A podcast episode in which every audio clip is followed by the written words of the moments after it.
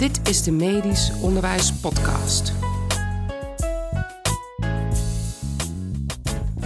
Leuk dat je luistert naar de Medisch Onderwijs Podcast. Ik ben Remco Haringhuizen. In de voorgaande aflevering heb je vooral interviews door mij kunnen horen. Maar in de redactievergadering is daarover onder andere het volgende gezegd. De target voor de komende vier maanden is doorproduceren zonder dat het allemaal Remco Haringhuizen is Ja, die aan het werk is. dus we gaan Remco uitfaseren. Dat hij wat Ja, meer. niet eh, uit, hè. Eh, Nee, maar dat hij wat meer de coördinator is van het geheel. En niet degene die ook op het podium alle instrumenten moet bespelen. ja. Wie deed dat ook alweer? George Michael. Ja, dat is ook niet goed afgelopen. Het zogenaamde uitfaseren van mij is nu begonnen. In deze vijfde aflevering hoor je podcastcollega Mark Vorstenbos. Hij praat met Willy Brod Huisman over groepswerk. Dus een groep studenten werkt samen aan een opdracht. Je hoort wat de docent eraan heeft, wat de student eraan heeft en wat is de optimale beoordeling van groepswerk. Het Medisch Onderwijs Podcast interview door Mark Forstenbos. Nou, daar gaan we dan. Onze eerste keer, Willy Brod. Laat een geluidje horen, zodat de mensen aan je stem kunnen. Zeg dat wel. We zitten hier in het Bergmanianum. Recent opge... Sorry, gerestaureerd oud klooster. Waar mm, het bestuur van de Radboud Universiteit is neergestreken met onder andere het team onderwijsondersteuning en docentprofessionalisering. En Willy Brood Huisman eh, maakt eh, deel uit van dat team. En wij gaan eh, met elkaar spreken, Willy Brood, over het beoordelen van groepswerk. En ik besef dat ik al vrij lang zelf aan het woord ben, maar ik ga toch nog even verder praten. Willy Brod heeft mij gevraagd om jullie luisteraars al van tevoren gerust te stellen. Hij is geneigd om nogal gecondenseerd te formuleren, omdat hij heel precies wil formuleren en ook heel veel informatie wil overbrengen. En mm, aan het eind van deze podcast zal ik een webadres eh, vermelden waar eh, de informatie is te vinden, en, eh, zodat u die nog eens rustig kunt nalezen En verspreiden. en verspreiden. De reden dat ik met je wil praten over beoordelen van groepswerk is dat in het visitatierapport, in de beoordeling die het Radboud UMC heeft gekregen voor de opleiding geneeskunde, daar staat in dat de visitatiecommissie zich zorgen maakt over de beoordeling van het groepswerk, omdat dat groepsbeoordeling is en zij eigenlijk een individuele beoordeling verwachten. Eh, Dat is eenvoudig uit te spreken, die zorg. En die zorg is heel moeilijk weg te nemen. En over die complexiteit van het, van het antwoord op, eigenlijk op dat probleem wil ik vandaag met je praten. Nou, ik vind dat ook een terechte zorg. Als ik werkgever was en er komt een sollicitant, dan zou ik helemaal niet willen weten of dat iemand is die in een groep gezeten heeft die heel goed functioneerde. Ik zou willen weten of die persoon zelf goed functioneert en of die in een groep goed functioneren kan. Want daar heb ik behoefte aan. En als die persoon een beoordeling heeft die grotendeels gebaseerd is op wat er gedaan is in de groepen waar die deel van heeft uitgemaakt, dan krijg ik dus geen goed beeld van de capaciteiten van die persoon. Dat is helder. Dus een terechte zorg, zeg je. We spreken ook naar aanleiding van een, eh, een, een- een paar mooie documenten die je hebt geschreven over onder andere het beoordeling van groepswerk. En daar, daar heet een van de, van de inleidende paragrafen heet samenwerkend leren of leren samenwerken. Dat klinkt een beetje als een platitude, maar ik denk dat daar veel achter zit. Ja, dat klopt. Ja. Dat, dat samenwerkend leren, dat is iets wat eh, op grote schaal gebeurt. Althans, wat op grote schaal gebeurt, is dat studenten samenwerken. Soms is dat eh, expliciet niet de bedoeling overigens, dan heet het fraude. Maar laten we het daar nou niet over hebben. Ehm, soms is dat wel degelijk de bedoeling van de docent. En, eh, en dat is ook eigenlijk. Eh, soms zitten daar motieven achter van het zou goed zijn als die studenten inderdaad leren samenwerken. Maar heel vaak is het gewoon de realiteit die dat afdwingt. Er komen al maar meer studenten en de docenten hebben al maar minder tijd om eh dat onderwijs goed te verzorgen. En als je dan allemaal individuele werkstukken van studenten moet gaan beoordelen, kost dat verschrikkelijk veel tijd. En bovendien geef je feedback op dingen die die studenten eigenlijk best onderling ook aan elkaar kunnen vertellen. Eh, dus waarom zou je dat niet doen? En dan komt al gauw het idee naar boven. Laten we, eh, laten we die studenten in groepen eh, aan een opdracht laten werken. Dan doen ze al een groot deel van die dingen onderling. En dan hoef ik minder te beoordelen. Dat is samenwerkend leren. Maar om te zorgen dat die studenten dat goed kunnen doen, moeten ze eigenlijk eerst leren samenwerken. En dat is een heel ander verhaal. Ja, waarom zouden die studenten leren samenwerken of willen leren samenwerken of moeten leren samenwerken? Aan de ene kant is dat omdat ze anders dat samenwerken überhaupt niet goed kunnen doen. Of dat weet je in elk geval niet zeker. En ja, dan gaan andere leerdoelen komen dan ook in de knel. Je bedoelt, ze moeten leren samenwerken om, het, om samenwerkend te kunnen leren. Om samenwerkend te Ja. kunnen leren. En om daarmee dat, dat, noodge- dat probleem van die docenten die te weinig tijd hebben, eigenlijk mede Ja. te kunnen oplossen. Ja, en misschien ook daadwerkelijk wel beter en efficiënter te leren, dat weet je niet. Maar er zijn ook opleidingen, eh, zoals de medische opleidingen, die zeer duidelijk in hun eindkwalificaties hebben staan dat de afgestudeerde eh, goed kan samenwerken, liefst zelfs in een multidisciplinair team. En dat is nogal wat. In dat geval heb je het over ehm, echt het eh, leren samenwerken ehm, als activiteit op zich. Waarom doe je deze groepsopdracht? Ja, voor een deel vanwege de inhoud van datgene wat je in die, in die groepsopdracht uitvoert of leert.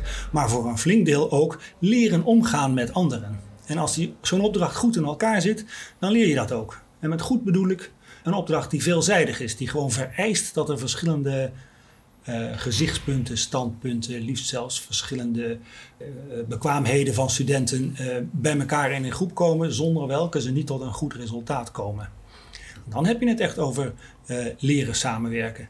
En dat vereist een flink andere opzet dan de klassieke, waarin je gewoon één opdracht hebt die eigenlijk door één persoon gedaan zou kunnen worden. En nou zeg je tegen de studenten: doen jullie dit maar met z'n vieren en jullie krijgen samen een cijfer. En dat is het dan. Ja, en dat hebben studenten natuurlijk haarfijn door. Die hebben het in haar elkaar fijn door, ja. ja. En dan krijg je dus het probleem van als ehm, studenten zo'n opdracht krijgen, die, die zien dat, die zijn heel verstandig bezig. Dat betekent met zo weinig eh, mogelijk energie zoveel mogelijk leren, of in elk geval zo snel mogelijk afstuderen. En, ehm, of met zo weinig mogelijk kosten, het is net hoe je het noemt. En als er dan een opdracht is die eigenlijk voor één persoon is, dan is het verreweg het handigste voor de hele groep. Wanneer de bolleboos in de groep, of de hardloper, net hoe je het noemt, Ja, gewoon in haar eentje die complete eh, opdracht uitvoert. Dan zet de rest zijn handtekening eronder en dan is iedereen gelukkig.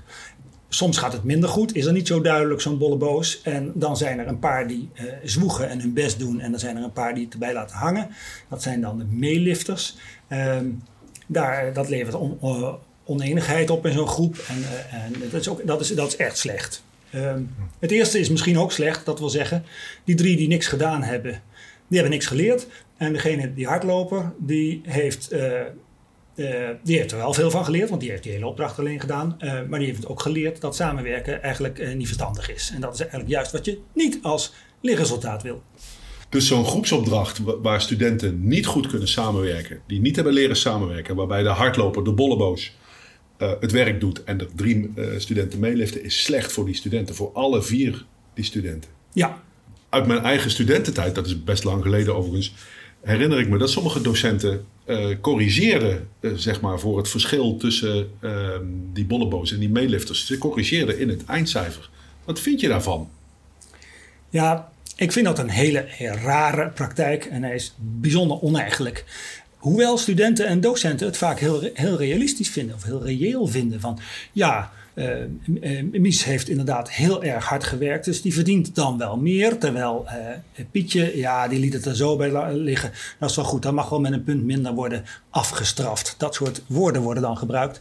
Terwijl beoordeling daar helemaal niet over gaat. We beoordelen de, de, de ijver niet. Hè. Ik noem dat wel eens spottend een cijfer voor ijver. Waar het om gaat is dat de competentie van die studenten beoordeeld wordt. En ehm, wie weet is iemand wel bijzonder competent die met weinig energie eh, een goede bijdrage geleverd heeft aan die groep. En die daar veel geleerd heeft en die kan al dus zijn competentie laten, laten blijken. Als ik het goed begrijp, is eigenlijk de uitdaging voor dat groepswerk, dat noodgedwongen groepswerk, om van de individuele studenten de competentie vast te stellen op de inhoud van de opdracht.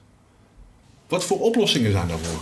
Ja, daar eh, heb ik eh, met mijn collega Marleen overigens een, eh, een aantal opties voor bedacht.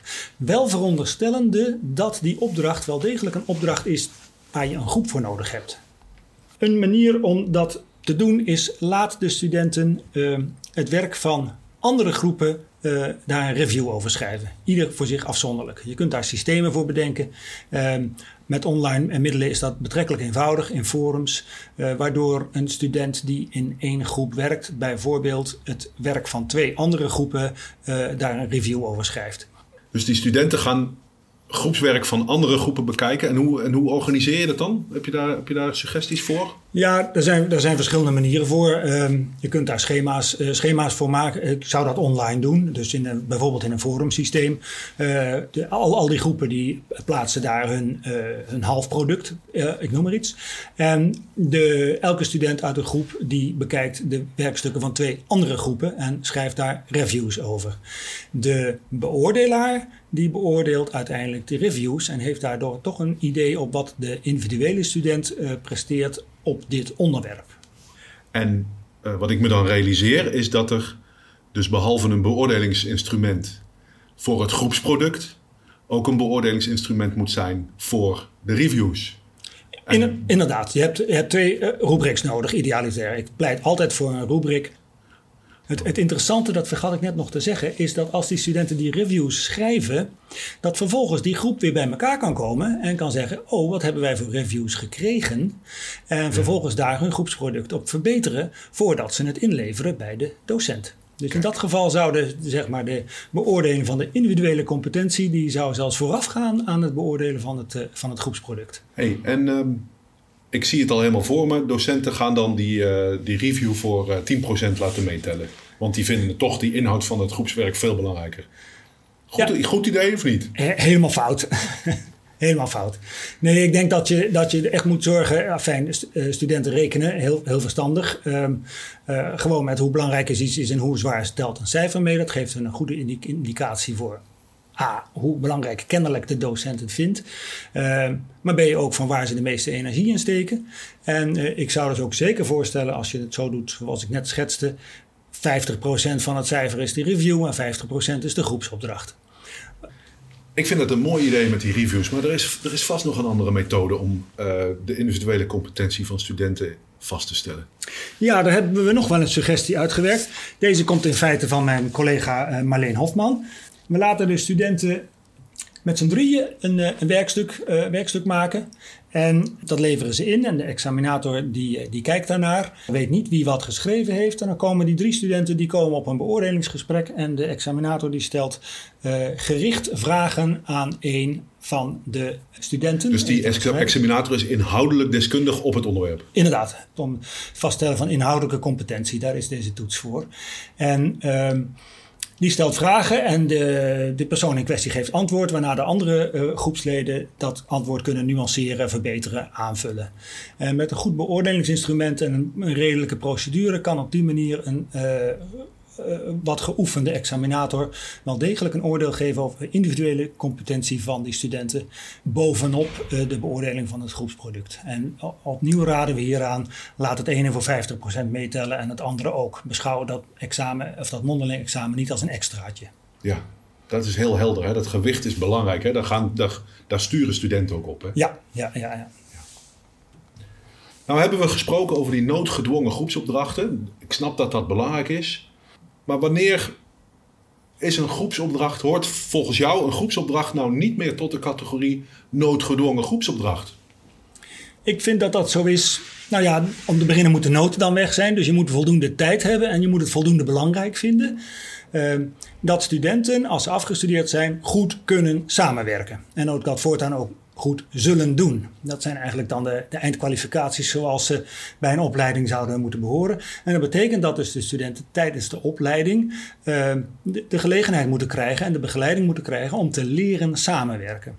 Dus hier ineens wordt het doel van, zo'n groepsopdracht, uh, ja, ik kan samenwerken. En niet meer, ja, ik uh, heb dit en dit geleerd toevallig in een groep. Dat waren die noodgedwongen uh, groepsopdrachten. Op het moment dat dat leren samenwerken een doel wordt, moet je echt heel ingewikkelde constructies uithalen om dat nog goed te kunnen beoordelen. Want je kunt niet in die groep loeren. Je hebt daar de tijd niet voor. Bovendien, je, je, je breekt in in een proces waarvan je eigenlijk juist wil dat die studenten dat onderling doen. Dus je moet dan constructies bedenken waardoor je uiteindelijk toch individuele competentie van de student, zowel inhoudelijk als in het uh, kunnen samenwerken, uh, kunt beoordelen. Daar hebben we lang op zitten puzzelen om, eh, om daar een, een, een, een reële, een doenbare, een, ik wil zeker niet zeggen een 100% oplossing, maar in elk geval een eind te komen. En daar zal ik uh, graag nog wat meer over vertellen. Laat maar raden, Willy Brood. Dat heeft vast iets met feedback te maken. Ja, dat wil zeggen, als die studenten in een groep aan het samenwerken zijn, terwijl ze ondertussen zich heel van bewust zijn dat ze aan het leren samenwerken zijn, dan is feedback daar een vanzelfsprekend onderdeel van. En je kunt studenten daarin stimuleren, ehm, maar je kunt ze ook helpen.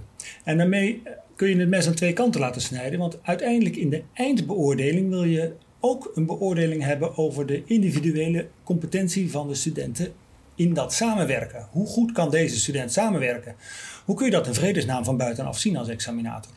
Nou, een oplossing is, hij is een beetje riskant, maar goed, is laat de studenten elkaars vermogen tot samenwerking beoordelen. Daar zijn eh, een aantal eh, prachtige schema's voor met een beperkt aantal criteria. En je kunt de studenten vragen om elkaars werk op die manier te, te laten beoordelen. Dat gaat, eh, als je dat zo doet, gaat dat fout. dan gaan ze elkaar allemaal heel hoog beoordelen. Maar het gaat niet fout wanneer je dat onderling beoordelen eh, eerder al in het leertraject, dus terwijl ze met dat project bezig zijn, een paar keer gedaan hebt. Waarbij het eerder ging om het, dat noemen ze dan het waarderen. Uh, in feite gebruik je hetzelfde instrument ook, of de studenten gebruiken hetzelfde instrument. En ze gebruiken dat weer om onderling te bespreken en op die manier feedback aan elkaar te geven. Door dat oefenen wordt eigenlijk dat elkaar eerst waarderen en daarna beoordelen, dat gaat wat veiliger voelen, zodat het waardevoller wordt. Ja, inderdaad. Ik wil dat ook wel verdedigen, omdat ik denk dat een aspect van goed kunnen samenwerken is ook goed kunnen uh, oordelen, goed kunnen zien hoe anderen samenwerken. En ook hoe je ziet dat sommigen in een groep dit goed kunnen en anderen dat. En hoe dat bij elkaar past. Dat, dat oordelen zelf is eigenlijk een onderdeel van die groepscompetentie. Nou, begrijp ik dan goed dat in dit ontwerp de studenten elkaar alleen eerst waarderen en later beoordelen op het samenwerken? Nee, dat wil zeggen, bij dit soort opdrachten, eh, die werken natuurlijk alleen maar wanneer studenten niet alleen leren samenwerken, maar wanneer het ook gaat om een inhoudelijke component. Uh, net zo goed als in die noodgedwongen uh, groepsopdrachten. Dus ik, ik, stel ook voor, en in dat stuk wat, wat ik geschreven heb, staat daar ook een soort van voorzet voor in om een beoordelingsinstrument te gebruiken. Waarin die studenten elkaar waarderen op, op hun groeps samenwerkingscompetenties en op inhoudelijke competenties. Dus er zit bijvoorbeeld in dat rijtje uh, de beoordeelde uh, brengt ideeën in, of de beoordeelde organiseert en regelt, of de beoordeelde um, werkt efficiënt aan deeltaken. Dat zijn uh, overigens een paar van die dingen die komen uit de literatuur. Maar dan heb je achter de streep heb je de inhoudelijke aspecten. Beschikt over relevante kennis, uh, redeneert adequaat en navolgbaar, uh, structureert, uh, formuleert, etc. En die twee dingen samen die maken dan de eindbeoordeling van dit hele ding uit. Dus A, kan deze student behoorlijk samenwerken? En B, kan deze student behoorlijk overweg met de inhoud van deze groepsopdracht? Zo, ja. En opnieuw, je hebt dan het groepswerk aan de ene kant, wat beoordeeld wordt inhoudelijk. En daarnaast zeg maar, het resultaat van de peerbeoordeling. En dat weer samen brengt een individuele beoordeling van een student voor groepswerk. Ja, uiteindelijk is de examinator uh, is degene die verantwoordelijk is. Het, het, kan niet zo zijn dat een examinator per definitie overneemt wat de studenten uh, over elkaar uh, als oordeel geven. Ja, Want de studenten mogen elkaar niet beoordelen en laat dat in godsnaam zo blijven. Willebord, ik, ik wil je hartelijk danken voor je, voor je heldere inzichten hierover en ook de, de prachtig uitgewerkte ideeën die je met ons deelt. Voor de luisteraars, die ideeën zijn overigens eenvoudig terug te vinden. Het is, het is werk wat uh, voor de Radboud Universiteit heeft gedaan, maar ze zijn het makkelijkst te vinden via zijn persoonlijke website. Dat is www.willybordhuisman.nl schuine streep onderwijsadvies. Willybord, hartelijk dank. Mark, dankjewel. En luisteraars, dankjewel voor de gelegenheid om zo te mogen praten. Goh, best lekker om eens iemand anders te horen dan Remco Haringhuizen. Tot slot toch nog maar even een huishoudelijke mededeling. Ook op onze eigen podcast-website www.medischonderwijspodcast.wordpress.com is bij de show notes van deze vijfde aflevering een link te vinden naar de site van Willy Broert Huisman. Bedankt voor het luisteren naar de Medisch Onderwijs Podcast.